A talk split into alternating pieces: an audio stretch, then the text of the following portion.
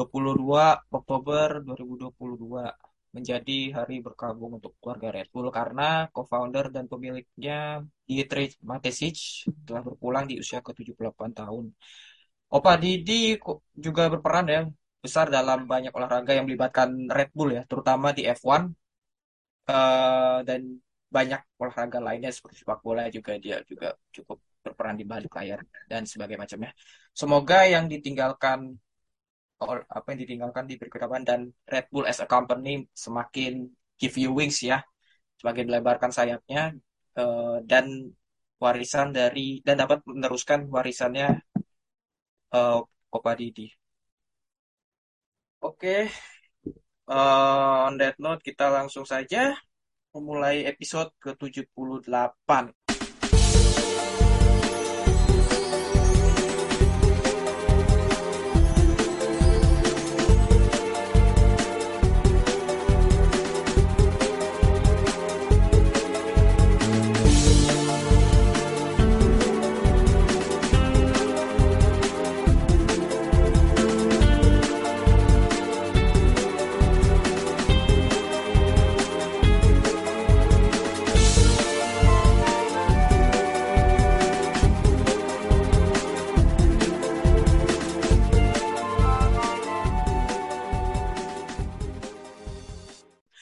Kembali lagi di garis balap bersama gue bagus. Tentu gue tidak sendiri. Ada Buzzer Alpha Tauri, Melinda dan Abazar God TV, Rifki.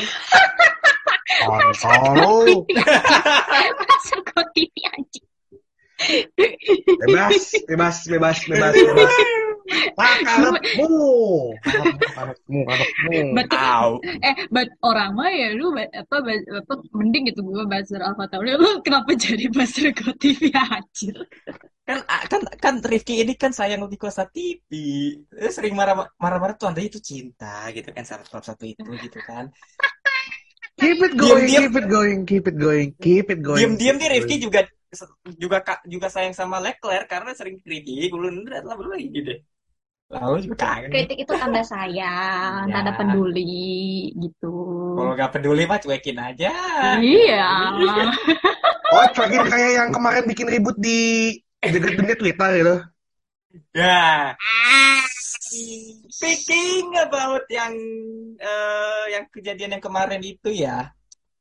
Uh, ya adalah salah satu fanbase meresahkan ya kalau kalian nggak tahu tapi yang ya gue nggak mau mendetailkan itu karena itu udah siap udahlah tapi gue gak mau kasih panggung juga dan tapi uh, ini pembelajaran aja sih buat ke, ke konten kreator lainnya ya um, tapi gue bisa memahami siapa yang dia apa kenapa dia melakukan itu. Bukan hanya berdasarkan dia pengen engagement or something ya tapi lebih ke ya ya ya emang emang mungkin uh, tingkat kreatifnya mungkin sampai segitu aja atau emang ya dia tuh ya emang cari follower or something gitu loh. Nggak dia tuh lebih apa ya lebih terpaku sama angka. Karena gue pun juga mengalami gitu loh sama hmm. gue as a content creator garis balap tuh gue selalu apa ya ngalamin hal-hal yang seperti itu. Kayak merasa uh, frustration kenapa angka segini-segini doang. Tapi gue nggak pernah ada kepikiran buat kayak begitu sih kalau dari gue ya. Hmm. uh, ya itulah gitu loh. Uh, jadi untuk kalian beberapa konten kreator mungkin yang mau um, merambat menjadi as a, apa yang mau buat akun atau mau menjadi konten kreator itu pakai cara yang lebih bijak lagi dan apa ya lebih kreatif lagi karena hal-hal kayak kemarin tuh apa ya nggak keren sih kalau gue kalau gue boleh hmm. ini ya nggak kreatif dan nggak keren aja sih karena hmm. lu tuh mem, apa ya istilahnya tuh lu, lu tuh oportunis gitu loh lu menghalalkan segala cara gitu untuk lu bisa menaikkan engagement lu atau gimana gitu loh dan saran gue jangan lu sebagai content creator siapa pun yang bikin content creator mau content creator motorsport ataupun sepak bola atau something ya nikmatin aja gitu loh. Bikin kreat bikin sesuatu yang emang menurut lu suka tapi siapa tahu orang lain juga suka. Ya gue sih emang apa ya masih banyak belajar. Kita pun juga masih banyak, banyak belajar soal hal-hal uh, berkreator gitu kan Cuma pes- pesan gua sih sebagai konten kreator Garbal jangan seperti itu dan lebih kreatif lagi dan jangan terpaku sama angka. Nikmatin aja nanti juga siapa tahu akun bisa gede kan gitu. Apa Itu sih kita kok. perlu bikin kayak semacam webinar gitu ya? How to be a content creator gitu ya? Ngapain, ngapain, Ini ngapain, kayak ngapain, ngapain. seminar ya. Tapi kalau dari tadi Ngapain bikin PR? Eh, nggak tak kan kita nggak tahu kan kalau misalnya tiba-tiba one of us gitu tiba-tiba diundang sebagai narasumber Tap- gitu. tapi eh, un- tapi speaking about webinar ini memang mirip webinar sih kalau boleh Ya makanya tapi jujur gue dalam dua tahun ini gue juga masih banyak melakukan kesalahan dan Hmm. gue kayak ya udahlah kayak berbagi ke konten kreator yang baru gitu jangan seperti gitu aja sih gitu loh karena merasakan orang lain itu tidak baik. Iya kita dan satu apa- lagi dan satu lagi jangan so asik. Nggak tahu yang mana. nah itu Jangan sih. so asik, jangan seksis. nah. Nah, jangan melakukan hal-hal yang racism or something juga itu juga ber- juga seperti itu. Hmm, intinya seperti itulah gitu ya. Iya. belajar dari yang kemarin-kemarin. Oke eh gue seperti gue nggak mau lebih panjang lebar lagi karena gue nggak mau bikin dia ngasih panggung gitu tapi kita harus ngasih panggung ke yang kemarin baru jua baru menang nih ya dari Moto2 nih eh Moto Moto3 dulu ya Moto3 nih Moto3. kemarin di Malaysia di Malaysia ada John McPhee yang out of nowhere bisa menang Goblok anjing itu gimana ceritanya? Soalnya dia kan kemenangan perdananya sejak 2020 ya. Jadi puasa puasa kemenangan bisa aku bilang. Goblok. Eh, lu kalau nonton ya, itu last lap last corner Empat pembalap kan? Dia lima nyalip empat pembalap. Lima ya? lima, Wow. lima pembalap anjing gitu kayak gue ngeliatnya kayak hah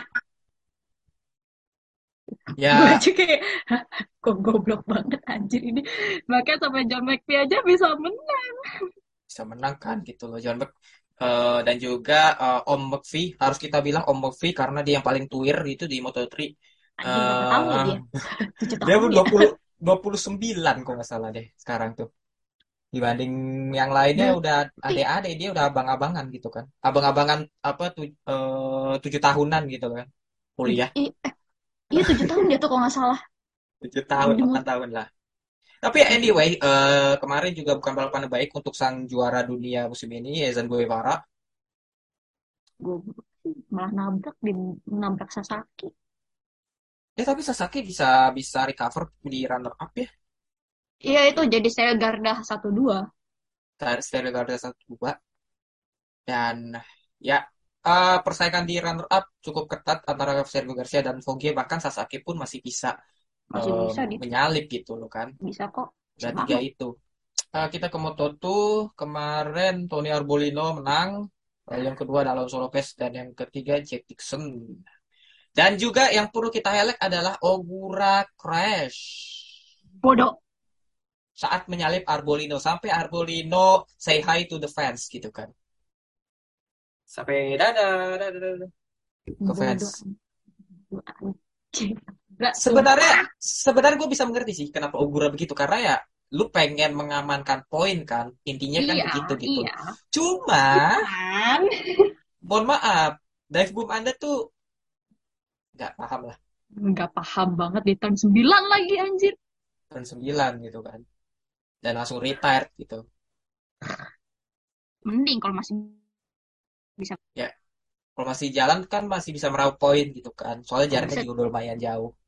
iya at least kan kalau misalnya dia nggak ngoyo lah wis itu well lah gitu Iya. eh eh, itu udah ada jarak 18 setengah poin Mm, dari Fernandes kan jadinya ya. wis ora ngoyo aja gitu iya. sekarang jadi jadi Fernandesnya kan jadi unggulan gitu Soal gimana sih kamu ini cuma di si Ogura ini cuma retire dua kali di Portugal ya. Kita tahu lah Portugal mayhemnya seperti apa, badai jatuh kan. Eh, Malaysia ya karena kesalahan Ogura sendiri gitu loh. Tapi kalaupun misalnya dia Hmm. nggak perlu nyalip pun paling tidak lu bisa secure P2 gitu loh. Iya Paling tidak aman bisa mem- paling tidak bisa memperlebar jarak dengan Augusto Fernandes. Gitu sih. Oke, kita langsung aja eh, ke Moto MotoGP eh, oh ya Moto2 eh, Augusto Fernandez pip, apa namanya ambil alih kembali pimpinan klasemen. Ini kagak ada yang mau menang apa ya di Sepang gitu foto tuh. Tapi kita ke MotoGP yang eh, tidak awak-awak-awak lah ya. Tidak seperti Moto2 Nggak terlalu, nggak terlalu lah. Ya nggak terlalu. Tapi cukup. eh, soalnya eh, Peko cukup waras lah ya.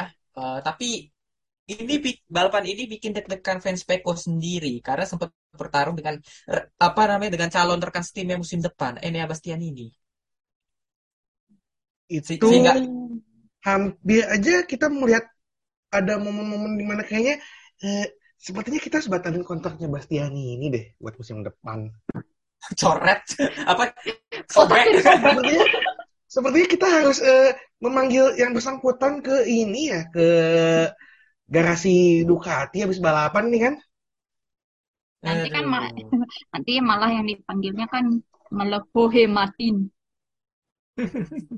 Tapi sayangnya ya di balapan Sepang kali ini Jorge Martin lagi-lagi Gloson. pole tiga kali pole tapi tidak satu pun yang menang. Dodol. Emang dia? kualifikasi nih. Ya, Emerson emang ya. ya sama kayak yang ya sebelah lah ya.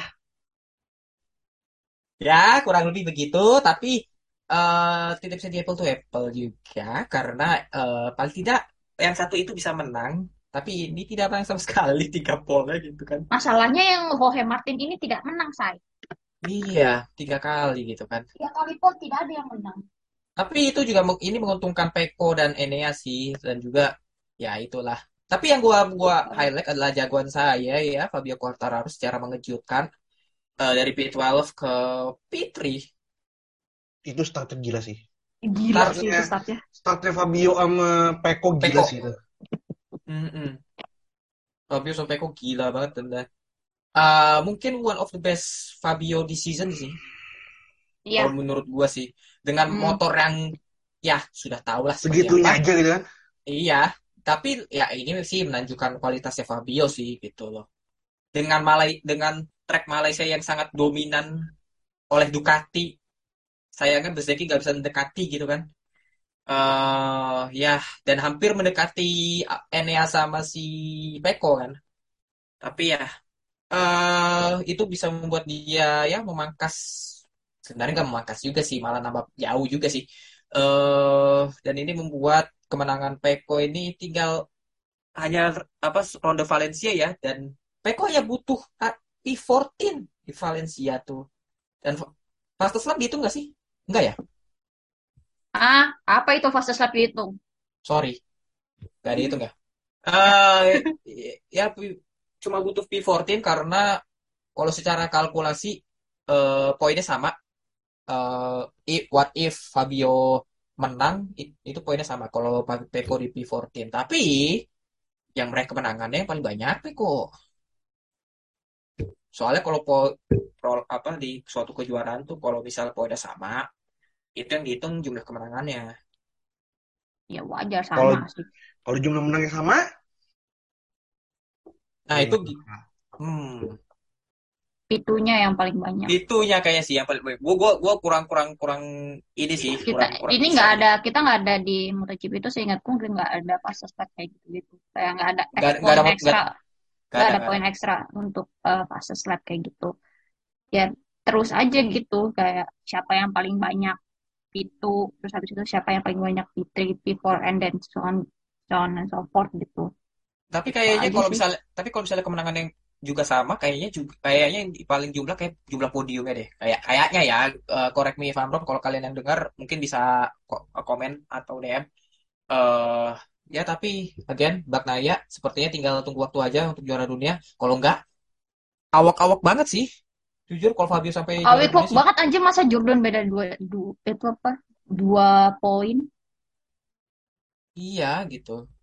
Ah, ya sudah Bahkan kita potensialnya bisa beda satu poin atau bahkan seri gitu. Iya, Wah, poinnya bisa sama gitu kan. iya.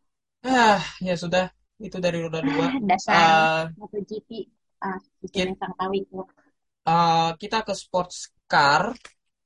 Eh, Corvette Racing mengumumkan pembalapnya untuk 2023 di IMSA dan WEC. Di IMSA ada Antonio Garcia, Jordan Taylor untuk full uh, season. Lalu ditemani Tommy Milner untuk slot endurance. Untuk line up WEC-nya di kelas GT AM ya. Uh, ada Nicky Kasburg dan Ben Keating. Kesayangannya admin magang. Oh, jelas. Udah Pembalap. Bones, pembalap Bones rasa silver itu. Rasa silver gitu. Uh, terus juga ada Meyerseng Racing yang umumkan pembalap IMSA untuk tahun musim depan di kelas GTP. Menemani Tom Blomqvist ada Helio Castro Neves yang akan ngisi slot endurance Pak Gubernur. Oh, nggak, bu, sorry, nggak jadi gubernur lagi. Uh, dan Simon Pageno untuk Rolex 24. Buset dah, mati jompo lagi nih. eh gimana ya? Kelas GTP dan dengan mobil baru gitu loh. Ya, lu butuh pembalap pengalaman. Tapi gue penasaran sih satu pembalap lagi tuh siapa yang akan nemanin Tom Blomqvist untuk full seasonnya di IMSA. Karena Jarvis kayak dipas- dipastikan out. Eh, lalu ada kemungkinan kemungkinan akan ada pabrikan baru lagi yaitu Iso- Isota Francini di WEC untuk masuk hypercar musim hypercar musim 2023. Oh, mobilnya udah ada, udah di udah ada rendernya dan ya tapi tapi yang gue masih heran adalah di di apa akun WEC Twitter ataupun Instagram masih belum mengumumkan sesuatu gitu. Lah, itu aja yang kemarin sering ini aja belum ada ininya juga di WC. Apaan? One and only tim kesukaan lo. Yoi, Panwall. Panwall lah. Panwall juga belum gitu loh. Ya, tapi kita lihat aja lah seperti apa. Tapi eh, ini sepertinya hampir ya 75% lah. Ta- Tapi paling tidak sih lemang mungkin ya bisa saja bisa aja. Tapi ya kita nggak tahu sih soalnya hypercar ini eh, persiapannya harus benar-benar matang gitu loh. Lalu ada juga Kevin Magnussen yang akan mengikuti Golf 12 Hour bareng sang ayah nanti setelah F1 musim Desember. 2022 berakhir Desember di tim DMK eh MDK ya kalau nggak salah. Ya MDK MDK Motorsport eh, satu pembalapnya lainnya yaitu pemilik timnya Mark Fame dengan mengendarai mobil Ferrari 488 GT3 Evo. Hmm. menarik sih Eh, apalagi 12 24 hour Lemang kan 2000 tahun lalu kan menjadi ya terakhir apa namanya eh Ian Magnussen sama Kevin kan sempat partneran lah ya semobil di high class. Kita Iya, lihatlah di par- high class. par- Hmm. partner ayah dan anak ini seperti apa di Ghost 12 Hour nanti. Lalu kita ke Formula One ya. Ada Eh, beberapa sebelum ke Formula One, eh, Apa Sabtu ini Ferrari mau launch hypercar-nya, kalau nggak salah, kan di Fam-Fam. Ferrari. Iya, iya, benar. Ferrari eh, berbarengan dengan acara Ferrari Mondiali di Imola akan meluncurkan hypercar Sabtu ini, tanggal 30. Eh, sebenarnya mobilnya eh, udah kita tahu lah ya, cuma mungkin lebih ke li- livery-nya aja, launch livery Livery. sih, kayak Hmm. kayak Eh, BMW. tapi belum ada ini ya, info driver ya? M- Belum, Mungkin mungkin belum. 30 Sekalian. mungkin satu kali sekalian. Hmm, menarik. Soalnya kan Porsche juga waktu launch livery itu kan juga sekali nama pembalap driver kan. Tapi kan belum lengkap. Ya, paling tidak kan at least kan drivernya keisi gitu kan. Hmm. Meskipun belum lengkap, cuma si- tersisa dua pembalap lagi. Oke, eh, kita ke F1. Ada beberapa pembalap yang memutuskan untuk ikut apa, FP1 Meksiko. Ada Logan Sargent bersama Williams, tapi Sargent eh, sekaligus sama Abu Dhabi. Eh, dan juga Logan Sargent juga diumumkan oleh Jos Capito bahwa ia akan membalap di Williams musim depan. Bila Dengan cukup. syarat. Dengan Nah. Bila catatan cukup. Nah, syarat dan ketentuan berlaku. berlaku. Syarat dan ketentuan berlakunya Jadi, itu nah, ada. Sekarang the Aku- boss is in his court lah ya, on Logan's court. Dan juga Yes, Kalin. betul. Apakah Kalin akan bawa masterclass atau malah disaster buat buat Logan ya? Ya kita lihat sih, semo- semoga saja sih nggak bener-bener L banget sih. Kenapa? Tapi gue jadi penasaran. If kalau Sargent udah gak dapet SL, kira-kira siapa nih yang bakal diambil? Mick Shit. Ya, itu dia. paling realistis Mick. Tapi dengan dengan kondisi ya khas mutusin buat tidak banyak kontak Mick. Lah, emang udah berkali-kali dikasih ultimatum kok sih Mick? Ya, Ya Ya, kali lolos. gitu. ya, ya who knows ya. Maksudnya apakah Steiner mau juga kehilangan one and one gitu? Sponsor yang gede juga lumayan di ini di Hmm. khas gitu. Ya sih. Ada benernya juga sih. Walaupun walaupun gitu kan khas kan baru dapat title sponsor kan apa eh, Iya. Monogram gitu. Hmm, Iya, Ya, mau halo. Monogram, kalau mau sponsorin kita boleh loh. Kita iya siap, banget. kita siap kok jadi puja-puji Steiner. Steinership upgrade. Yoi. Tapi ya eh, kita lihat lah ini ini soalnya kan mas, masih tanda tanya banget ya. Ini udah tergantung Logan nih sekarang nih. Iya, Soalnya udah juga jaminan. tambah juga mungkin ini sih precondition eh dia eligible buat dapat bonus poinnya itu yang complete F2 season without penalty. Kalau itu dapat, itu kan at least ya F2 F3 juga dapat, ya P6 P5 itu udah aman harusnya di championship. Ya, uh, tapi untuk yang ngegarantinya itu harus P4 Tetap- paling Tetap enggak. tetap at least ya Abu Dhabi tetap harus all out. Hmm. Harus boleh all out. Jangan ter ketergantungan gitu, Hmm. gitu kan. ya mungkin juga Ya. harus berkong kali kong mungkin dengan teammate-nya gitu Carlin I don't know. Ya, dia sama Lawson ya. Mm-mm. Ya, mungkin ya bisa kita lihatlah nanti seperti apa Logan, tapi yang pasti sih eh, ini udah masalah mental aja sih. Eh, karena gak hanya untuk memperebutkan peringkat F2 tapi juga mem- tapi ini Masa juga depan. eh, masa Masa depan lo depan. gitu loh. Ya. Apakah lo akan stay di F2 atau lo langsung ke F1 gitu. Dan juga eh, untuk FP1 di Meksiko nggak hanya Logan ya, ada Jack Doohan bareng Alpine dan Liam Lawson bareng Alfa Tauri ya. Liam Lawson ini terakhir ikut di Belgia di FP1 ya. Iya. Tumben enggak. Gue kira bakal bakal banyak gitu loh yang akan ikut FP1 Meksiko karena ba- masih banyak tim yang belum menggunakan jatah yang drivernya kan. Ih, tapi ini lumayan loh Ki sebenarnya. Di sekitar tiga lah masih lumayan lah. Soalnya sisa Brazil sama Abu Dhabi apa mau semua di Abu Dhabi? Gila kali Abu Dhabi kan rata-rata pada ini juga double job sama F2. Nah, Tapi nanti tapi itu. tapi itu kan apa ya sebuah hal yang wajar aja sih Ki. Iya sih memang. Hmm. Kayak kita lihat aja nanti. kita lihat aja nggak apa-apa sih. Eh, Lalu ada juga yang baru-baru ini berita baru banget nih soal Audi yang sudah dipastikan akan gandeng bersama Sauber sebagai partner untuk F1 musim 2026.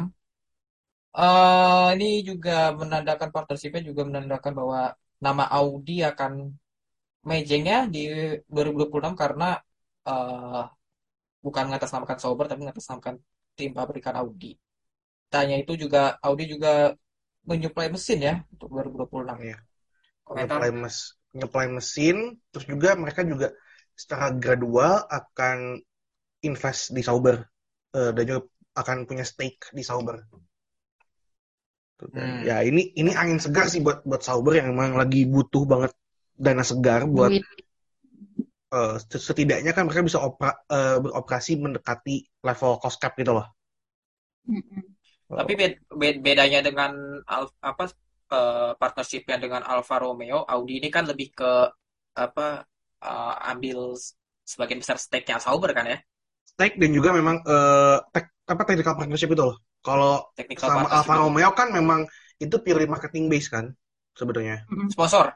sponsorship aja nggak ada nggak ada ikatan lain gitu makanya eh, tahun 2023 kan akhir musim 2023 Alfa Romeo akan cabut dari Sauber gitu dan eh, dari 2004 Berarti sampai 2026 nanti itu akan menggunakan nama Sauber dulu eh sebelum apa 2024 dan 2025 itu akan ya. akan akan under Sauber name kecuali mungkin mereka dapat title sponsor ya Tapi ini akan berarti akan kembali mengulang seperti BMW Sauber gitu ya untuk 2026. bisa jadi Kayak Audi Sauber gitu. aku nggak kaget kalau itu pakai ini atau misalnya eh, Audi Formula eh, Formula One team misalnya nanti di bawahnya eh, powered by software Sauber. engineering. Itu ya bisa, who knows. Bisa sih, Hmm. bisa sih. Bisa, bisa. Ya semoga aja ini partnership langgeng lah ya, panjang umurnya. Tapi kalau gue lihat sih ya, eh gue lihat dari em, mereka apa sih Audi ini beneran niat gitu loh kalau gue Iya. lihat ya mengorbankan LMDH, eh, terus juga apa sih namanya banyak hal yang project yang besar ya dikorbanin gitu. GT-nya Ya, dikorbanin. ya GT-nya lu- lumayan dikorbanin. Eh, jadi kalau gue, gue lihat nih Audi ini emang seniat itu gitu loh pengen pengen ke F1 dan emang 2026 nih cukup menggiurkan bisa dibilang regulasinya.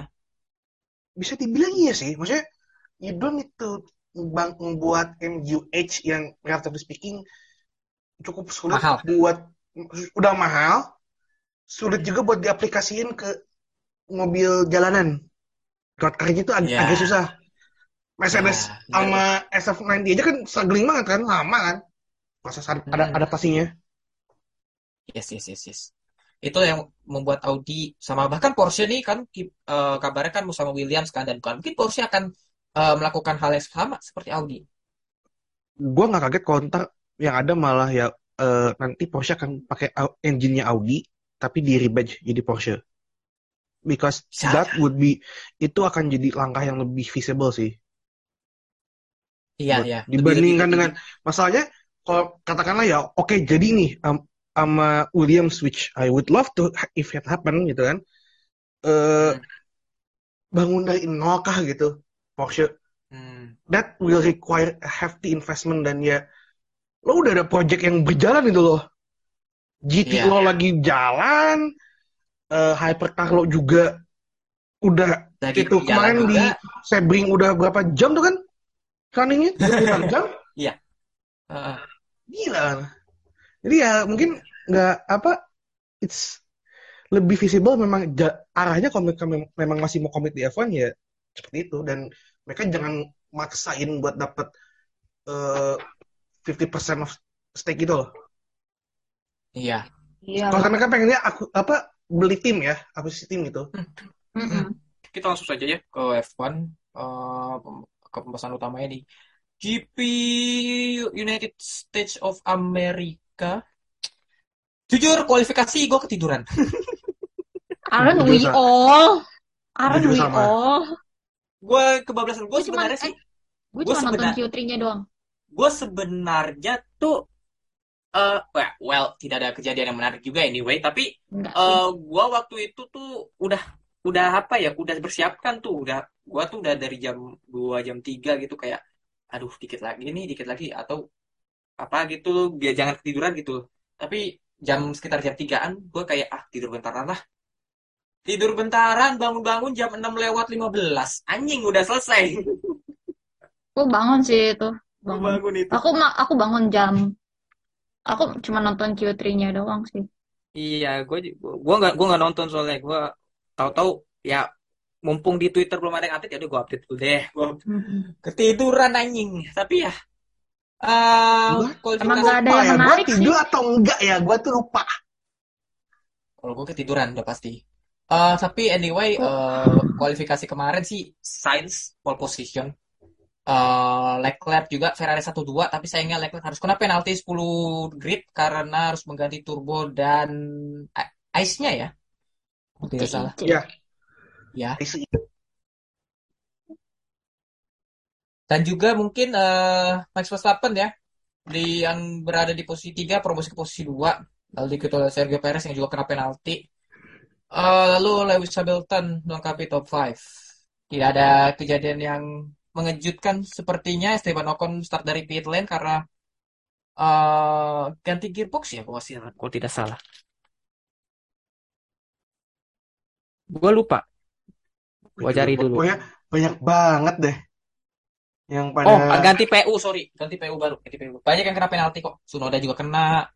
Zhou juga kena. Gitu kan. Oke. eh, kita langsung saja ke balapannya. Sebelum start, ha- apa? Esteban, Ambil penalti juga kan? iya. Esteban, Ocon. Iya, Ocon start dari pit lane. pokoknya terserah dari pit. Eh, dan juga ya, sebelum start, eh apa namanya gimmick-gimmick dulu lah ya memanggil pembalap. Tapi sayangnya ada yang misleading di sini sih.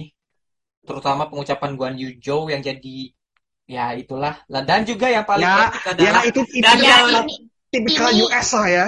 tipikal dan juga US banget ini. dan ya dan Jadi juga ya ya eh, udahlah ya. Dan juga pemanggilan Daniel Ricciardo yang eight time world champion. Ya itu Oh iya, itu nggak, nggak, nggak, itu Tahu, itu tahu, tahu. Itu McLaren itu kan itu. McLaren btw nggak biar Iya, teman-teman nggak nggak yang misleading itu iya. itu Tapi tapi McLaren tapi eh do itu wordingnya ya wordingnya wordingnya itu itu jadi salah gitu. jadi ini kenapa Kayak enggak? eh mau kasih satu sih sebenarnya apa? Kenapa? di luar di luar itu gimmick ya itu yang nyanyi Spangled Banner tolong deh. Buset. Sih yang anthemnya terlalu ketinggian banget itu nadanya. Kayak Siapa kayak struggling banget. Yang nyanyi siapa? Gue aja nggak tahu siapa yang nyanyi itu. Gue lupa, gue lupa, gue nggak kenal gue Penyanyi lokal. Nah tapi eh ya mungkin lebih ke kenapa nggak eight time world champion McLaren Daniel Ricciardo gitu kan? Kalau itu kan ini kan lebih ke misle- misleading aja sih. Ngiranya ngiranya kan Daniel Ricciardo ju oh 8 kali juara dunia. Wah, Schumacher. Wah, Hamilton. Lebih mending kayak eight time winner aja nggak sih sebenarnya tuh. Iya, Grand Prix winner aduh, udah cukup gitu kayak iya. kan dia ben- kan bener tuh itu eight time Winner kan? winner. Iya, winner Iya, kan. iya. Tapi eh, selain gimmick-gimmicknya ya, ada juga yang bikin ngehah banget lah ya. eh Hamilton mengeluhkan masalah rem depan kiri sebelum start. Tapi udah sempat diganti kan dan cepet langs- ya langsung langsung cepet. gas mau diganti Iya, iya benar benar benar benar benar. Itu ya kalau nggak diganti ya itu udah bubar jalan kali iyalah balapan. jelas Jelas. Dan juga eh, GP Austin ini memaksakan rekor lagi 440 ribu penonton yang hadir selama weekend Gila sih. di Austin. Itu gila, Selama itu udah kayak lautan manusia itu udah. tapi tetap gila. tapi tetap Gus Apaan? masih kalah sama Adelaide 95 Oh iya, ada 95 ya. 500 ribu itu Adelaide makanya 400 kan ribu. si apa Makanya kota kota ya. kota, kota kan ngebet pengen mecahin rekor itu kan lagi mikir Mm-mm. caranya gimana nih kita biar bisa pecah pecahin rekornya ada ini Adelaide Adelaide ya. Tapi untuk yang era modern ini pecah rekor lah kalau untuk era modern ya. iya kalau kan Mm-mm. post 90s ya iya jelas tapi Iya. ya, itu masih masih inilah masih harus nandingin masih nandingin ini Adelaide Ya, Mm-mm. betul. Ya, kita lihat kiprahnya Liberty Media ini seperti apa. oh ada Eh, ada ada ada satu momen lagi sebelum kita ngomong ke balapannya ya hmm. Mungkin kalau yang nggak nonton dari Sky itu kan, dari Sky mungkin nggak akan ini. Tapi there is this awkward moment again in the US as usual. Hmm. It's involving Martin Brundle dan Brad Pitt. Lagi? Oh, aku tahu itu. Aku tahu. Lagi, again, it happened again. It happened Happen again. again. Itu bener-bener Anjir. awkward loh itu. Apa? Kalau gue jadi Brundle ya, gue sih langsung mundur sih, gak akan gak akan ngepres itu. Dan itu kan langsung sama Buxton kan disindir. Hmm. Perang dah The tuh the beef yang kita kira bakal siapa gitu yang beef anjing Buxton sama Brandel dong. Gue kira siapa? Taunya anjir. Malah berantem tuh di sosial media. Eh, lights out and away we go. Russell, go to the first lap, go to go to, to science. Di lap pertama.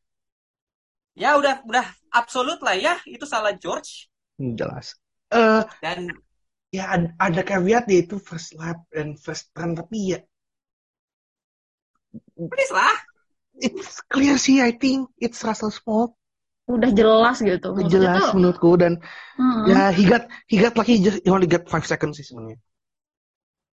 terlalu- Iya. itu Ini kayak harusnya masih itu harusnya harusnya bisa kayak bisa lebih penalti berat nggak lagi sih? nggak sih? Iya. Bisa banget. Bisa banget.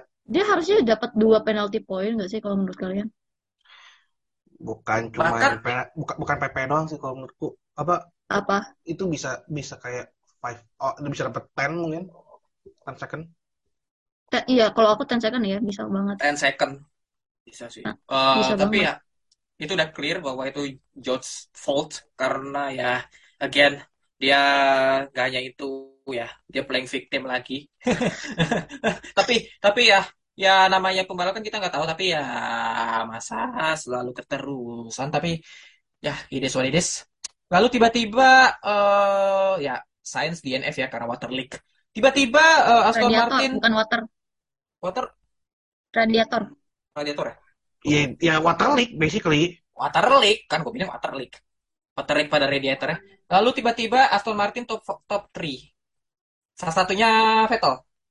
Eh, dan top 5 Stroll top 5. Eh apa kebalik ya? Gue lupa. Stroll dulu, stroll dulu. Stroll ya, Stroll ya, Stroll ya. Stroll dan Stroll dulu Vettel top 5. Vettel. Itu startnya gila sih Vettel juga sih. Gue. Iya, ini menunjukkan bahwa Aston Martin sepertinya mulai-mulai nih ya merangsek ke papan tengah, tapi ya let's see lah what happens next. Tapi yang kejadian lainnya ada Max yang sempat keluhkan angin. Apakah RB18 ini tidak cocok anginnya di di, Nggak. eh, di Austin? Hmm, Nggak, emang, emang- semua emang ngerasain Aus- gitu. Emang semuanya ngeluh kok. Dan Austin Emang kan semuanya emang, ngeluh. emang terkenal ya selain bumpy karena kon- apa itu basically dibangun di atas tanah liat, tanah merah gitu kan. Yes. Mm-mm. Ya itu anginnya. Anginnya makanya Ah, ini lu lihat aja bendera. Lu lihat, lu lihat Atau- bendera deh, benderanya Patokannya mereka. bendera gede itu deh, bendera Amerika yang gede itu. Bendera yang gede Ya itu. bendera itu bendera gede banget emang. Dan lu Angin-anginnya. lihat arah anginnya, Hmm. arah anginnya dan dia kalau misalnya dia kencang banget, pasti si benderanya itu ngarah dia tuh ngarahnya tuh ke belokan ke kiri tapi agak belok lagi gitu. Iya, Jadi iya, tuh iya. Itu kencang banget itu lu bayangin aja bendera segede itu aja apa berkibar dengan kencang gitu kan apalagi mobil ini Ya, Iya, ya. dan dan itu kebukti juga makan korban. iya Lapan kemarin. Hmm. Tapi di luar masalah yang apa namanya yang Max keluhkan, kita akhirnya kembali mendengar quote iconic dari Mercedes dan Hamilton. It's hammer time. Lewis melakukan undercut pit stopnya ganti ban hard. Setelah sekian lama ya, kita akhirnya mendengar hammer time lagi. udah lama ya Hmm. Ya, juga loh BTW dengerin itu Iya, dan Red Bull merespon dengan pit stopnya eh, dengan melakukan overcut dan secara dan tidak lama Bottas ke gravel. Safety car. Dan sebelumnya Ferrari sempat eh enggak Leclerc. Leclerc sempat meminta plan E ke Ferrari. I wonder what is plan E gitu. Tapi ternyata apa ya eh, ini membuat apa ya, Ferrari tuh melakukan pit stop gratis dengan safety car. Waktu itu kan dia di podium kan di zona Ya. podium dan langsung aja safety car dan Ferrari menjalankan pit stop gratis yang membuat dia berada di top 4. Menurut kalian ini emang strateginya Ferrari yang emang merencanakan ini me- apa namanya menunggu safety car atau emang ya ya emang Enggak pengen sih. pit stop pit stop di, di lap ini gitu kebetulan aja gitu. Kebetulan aja sih menurutku. Ya. Cuma eh, itu mah kembali lagi itu Ferrari lagi diberkati aja tuh.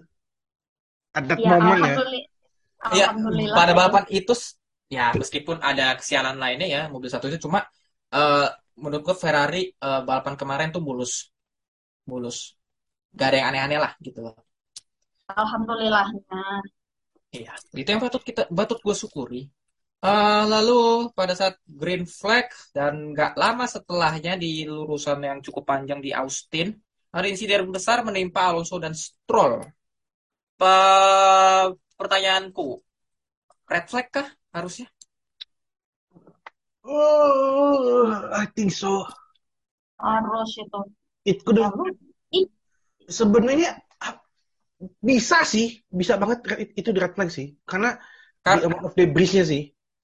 Debrisnya banyak dan juga salah satu korbannya kan Mick. Mick kan kena debris sampai yang rusak apa gitu lupa gue. Lando juga sama, betul. Lando Lando juga.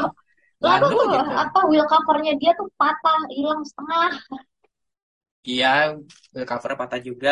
Tapi ya, tapi gue Oh, nggak mau Pierre ini. juga, Pierre juga kena debris. Hmm.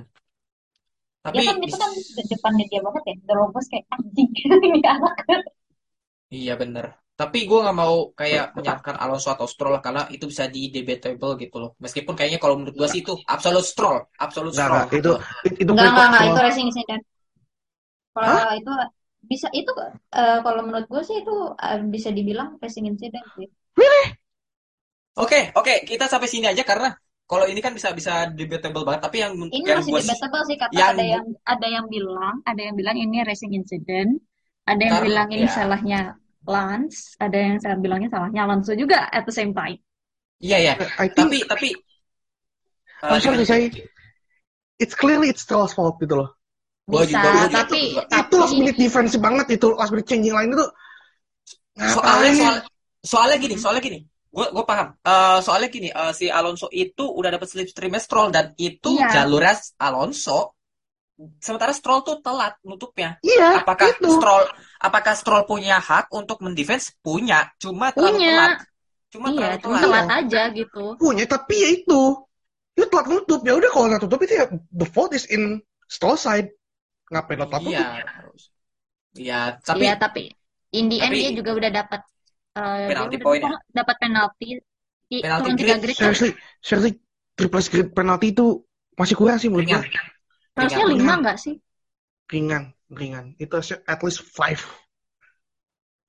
Ya, tapi eh, di luar apa yang banyak debatable yang sangat apa namanya sangat mengenai hal ini gitu kan. Mm-mm. Gua sih bersyukur pembalap di belakangnya merespon dengan cepat. Because it's gonna be uh, lebih Oh. parah lagi gitu loh. That could have been much more worse. Ya. Much war was. Itu itu mobilnya Alonso ya. Dan The Alonso pada moment saat the moment the moment dia wheelie kayak gitu. dan juga Salah Dan juga- momentum, salah momentum mobil dia bisa kebalik. dan juga dan juga pada saat Alonso terbang itu itu ada apa sih namanya? Ada am, apa namanya? eh, pintu masuk keluar masuknya Marshall kan di situ. Iya. Gue bersyukurnya juga, gue bersyukurnya juga Alonso gak ke sini gitu loh. Gak masuk ke Marshallnya kan, pintu Marshall kan. bukan gak hanya ke masuk ke Marshall ya, masuk ke sisi di mana pintu masuk Marshall mengevakuasi mobil. Oh iya iya, iya tahu tahu. tahu. Atau ya, kalau misalnya kena itu ya, it, it's gonna be Grosjean 2.0.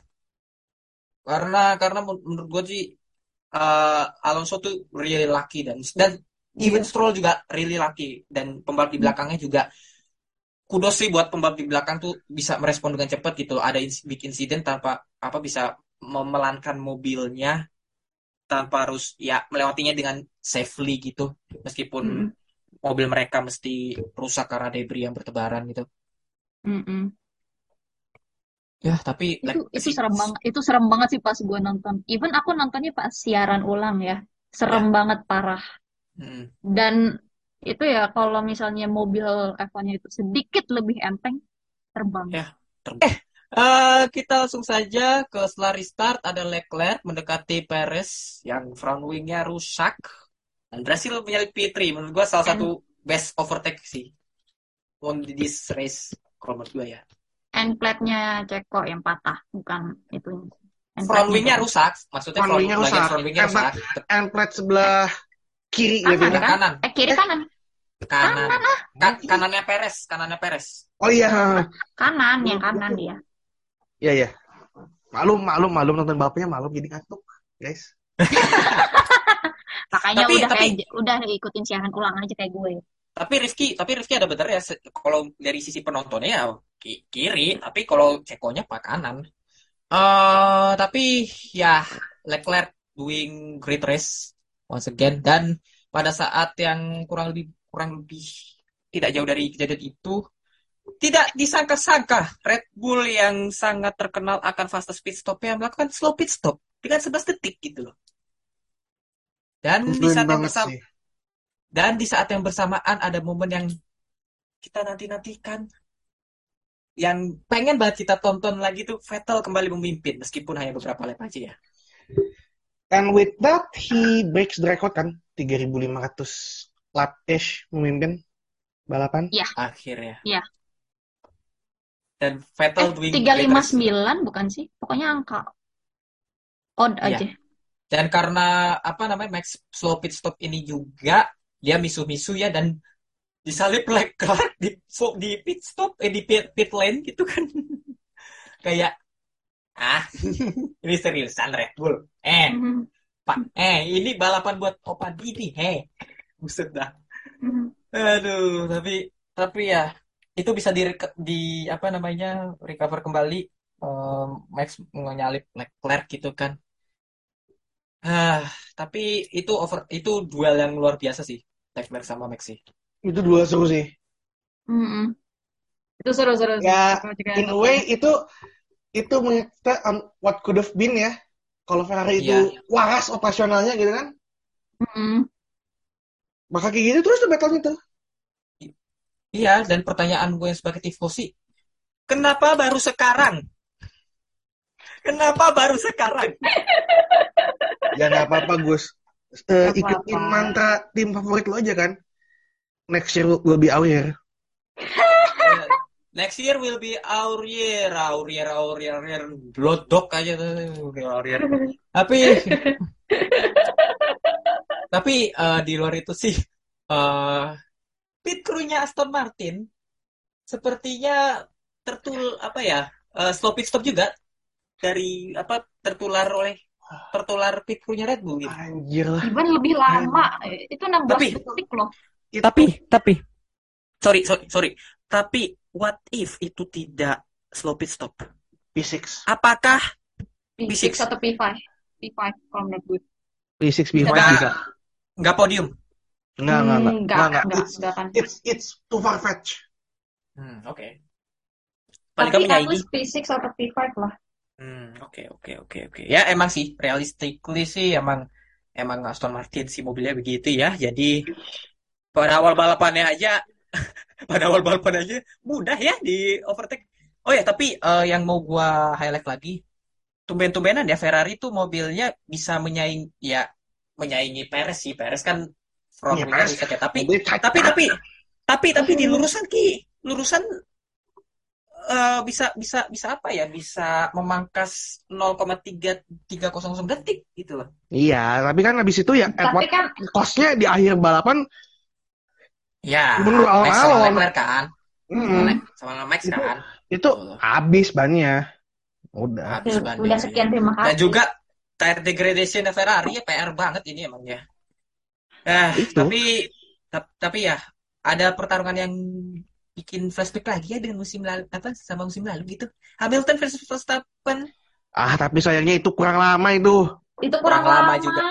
Kurang Tapi lama. bisa bisa di ini juga nggak sih karena emang mobilnya W13 emang ya Dan to defisit expect. defisit engine-nya sih, defisit engine power-nya antara eh, apa Hon ya uh, uh, Honda sama Mercedes kan kelihatan banget itu musim ini. Dan mungkin I don't know, mungkin ini feelingku aja kayaknya Mercedes tuh dan Petronas gak eh, adaptasi dengan E10 fuel-nya rada bermasalah. Iya, Karena sih. sejauh itu gitu loh. Iya sih.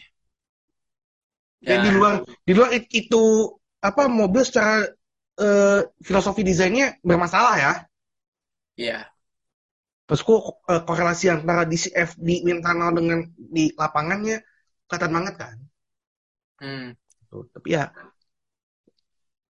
Tapi ya paling paling enggak eh, Mercedes tuh apa ya musim ini tuh ya cuma tinggal berharap aja bisa mungkin bisa P2 constructor or maybe bisa leg bisa, bisa mengganggu P apa top 3.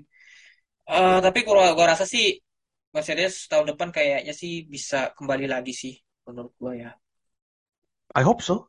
I hope so gitu loh. Mumpung juga nih Red Bull kemungkinan bakal bakal pincang ya dengan sanksi eh, pengurangan Aerocap itu. aerocap-nya itu. Mm-mm. Itu jadi peluang emas sih buat Ferrari sama Mercedes. Harusnya dia bisa dimanfaatkan ya. Gitu. Tapi Tapi ya balik lagi sih we need to know how good Mike Elliott will be itu kan in deciding this card. Tapi kita lihat lah. Ah, dan juga em, karena Max yang menyalip Hamilton ini menandai kemenangan Max ya di kota. Eh, kemenangan yang manis dan didedikasikan untuk almarhum Dietrich Dietrich Mateschitz gitu. Eh, dan juga Lewis Hamilton kembali ke runner up dan Charles Leclerc kembali ke podium setelah sekian lama.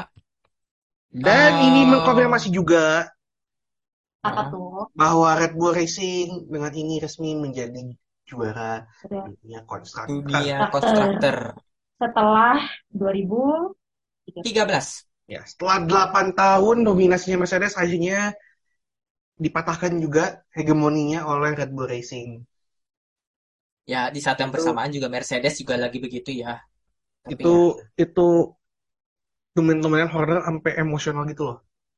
Horner Mm-mm. emosional gue harus gue akui Bukan dan bukan bukan bu- beda kayak pas Max juara ya.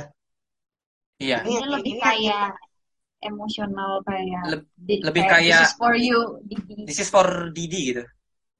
kayak apa ya? Kalau Abu Dhabi tuh sedihnya apa nangnya tuh senang bahagia, tapi ini yang emang pure sedih loh. ca- campur aduk sih, campur aduk sih, Campur aduk campur aduk gitu. gitu. Emosinya.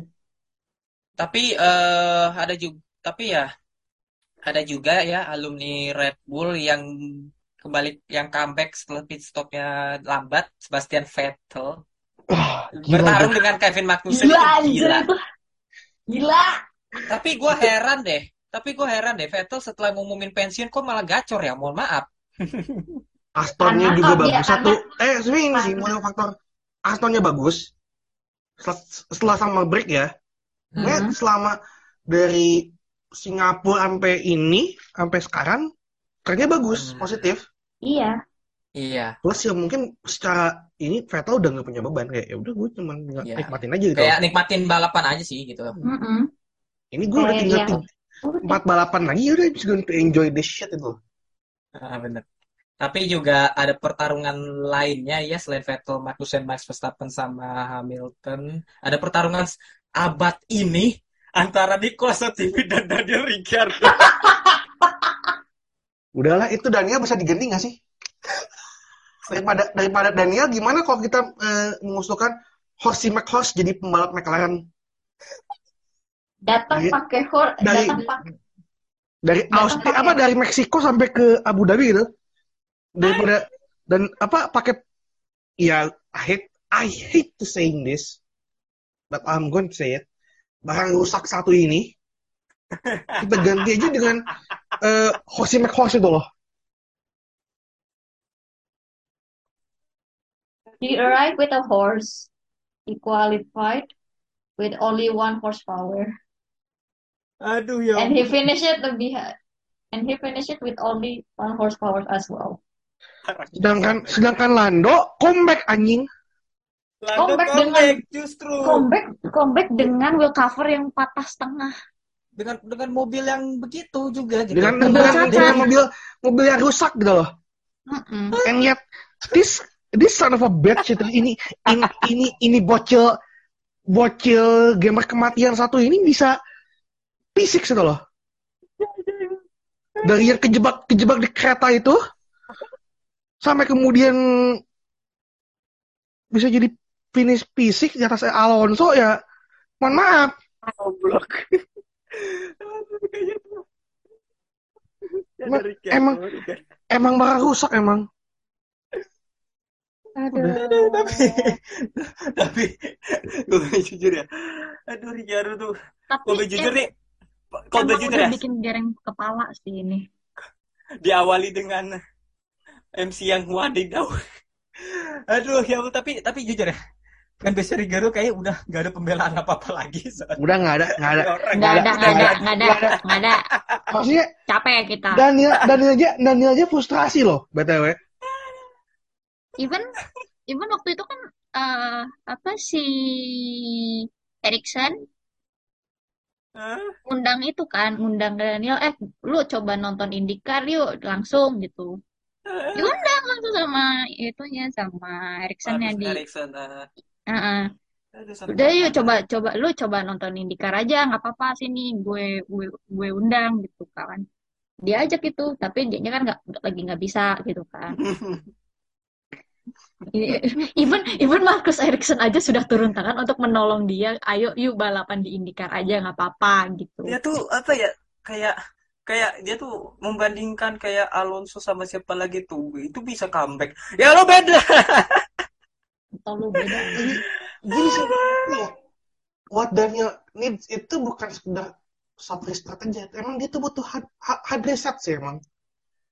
Kalau dia mau masuk mau di F1 ya udah, but you need to change your whole approach itu loh.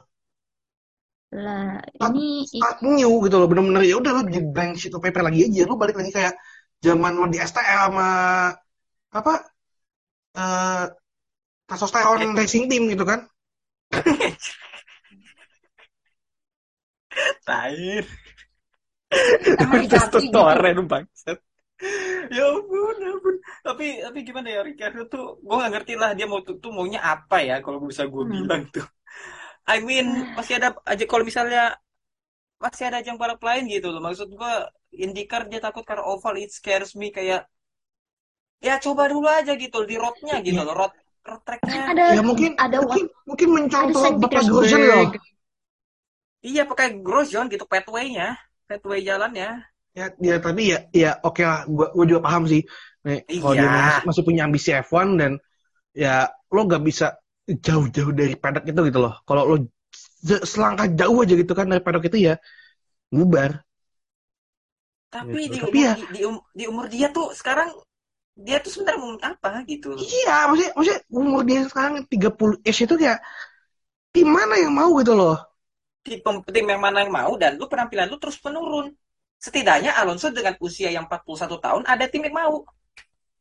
Iya, dan Ya udah dan saya dia ngebuktiin gitu loh. Dan dia Ngebuktiin. hasilnya. Iya. Bak bahkan nih Alpine pun juga wadidaw gitu kan, keren gitu kan. Balapan tidak tidak hanya sampai di situ ya karena Alonso dijatuhi hukuman penalti dan Haas maupun Alpine lempar protes. Ini Alonso dijatuhin penalti karena sayap eh sayap sorry spion Kaca, spion spion, spion, Spionnya spion, spion patah. kanannya patah.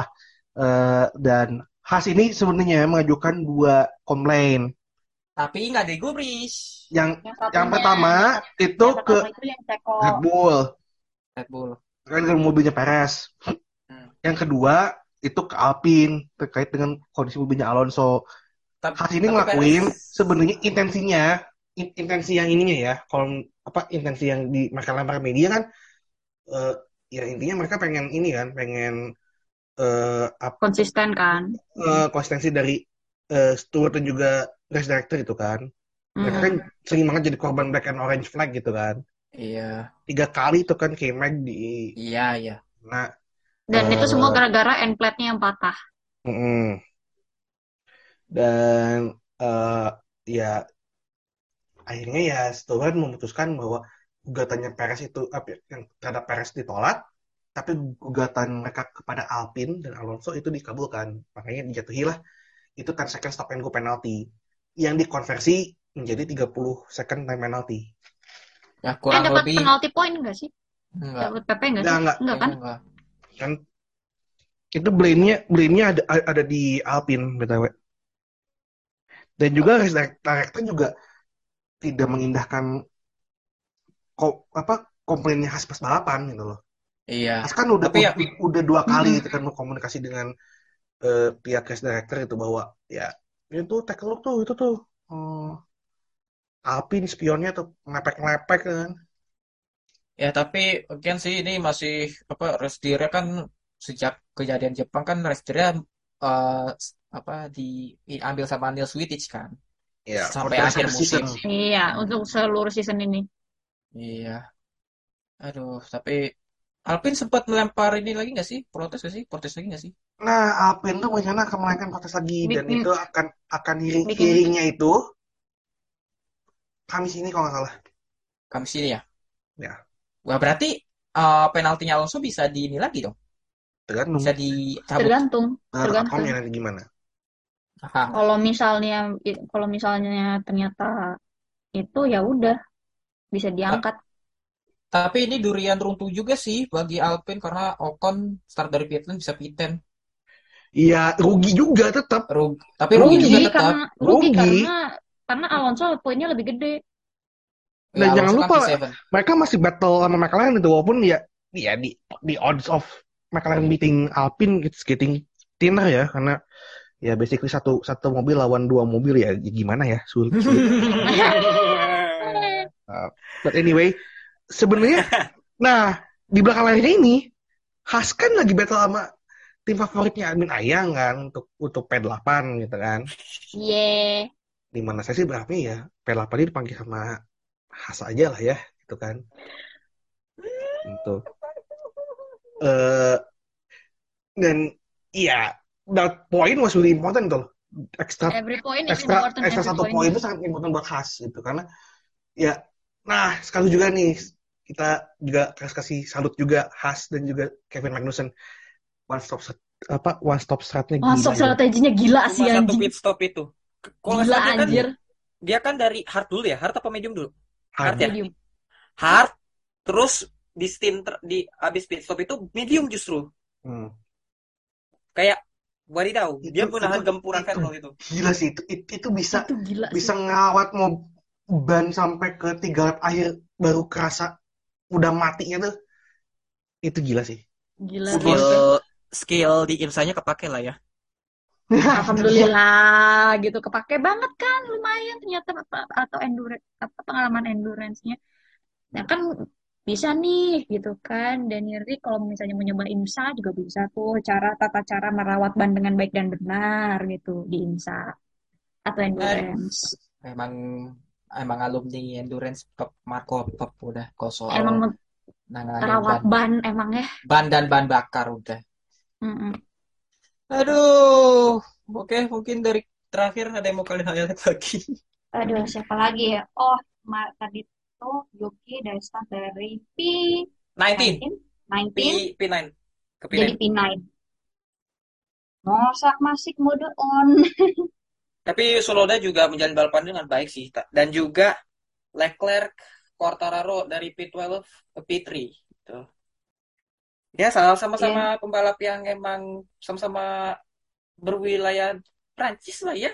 Like, soalnya sebenarnya kan Monaco kan ya Prancis. Ya, tapi balapan kemarin eh dalam Lumayan seru sih menurutku. 10 tahun, 10 tahun di kota ya, F1 Iya. ya Mhm. kurang lebih. 2012 Eh, ya, 2012 eh, ini mungkin yang paling seru sih di luar I agree. 2021. I agree oh jadi jauh jauh better lah dari dari Jauh dari banget anjir dari 2021. 2021. At least 2021 tuh bisa mikir Ki, bisa serat seratnya tuh apa? Cuma balapannya Emang- mikir em- ba- balapan mikir bukan balapan action balapan gitu mikir loh. bukan balapan action ya emang. Dan emang baik emang kayaknya emang kalau balapan seru emang harus ada kayak tumbalnya sih ya. Tapi ya eh, again tapi eh, kemarin semuanya baik-baik saja. Terutama Stroll dan Alonso ya. Alonso meskipun kena penalti tapi menjalani balapannya luar biasa dan that apa ya itulah Alonso yang kita kenal gitu loh. Bisa comeback sebaik itu meskipun kena penalti. Gila Eh. sih Alonso. ya remind me again eh, ini eh, Alpine goblok ya dengan dengan sebegitu begonya mereka eh, ngasih kontrak yang receh Murah. pada Alonso gitu Iya, nyesel kan lo sekarang iya. Ya, kita lihat seperti apa dengan duet Gashu dan Esteban Ocon. Oke, Gak itu aja kali ya. aja sih gue mah. Iya, kita lihat aja ya seperti apa. Itu aja sih dari kita garis balap episode 78. Eh jangan lupa follow Instagram, Twitter dan Spotify garis balap ya. Kalau Jangan lupa kasih rating. Jangan lupa kasih rating juga. Dan kita tunggu update-update motorsport lainnya seperti apa. Pokoknya pantengin follow follow garis balap. Oke, mungkin aja itu dari kita. Gue bagus. Melinda dan Rifki undur diri. Sampai jumpa di episode berikutnya. Dah, salam motorsport Indonesia. Dadah. bye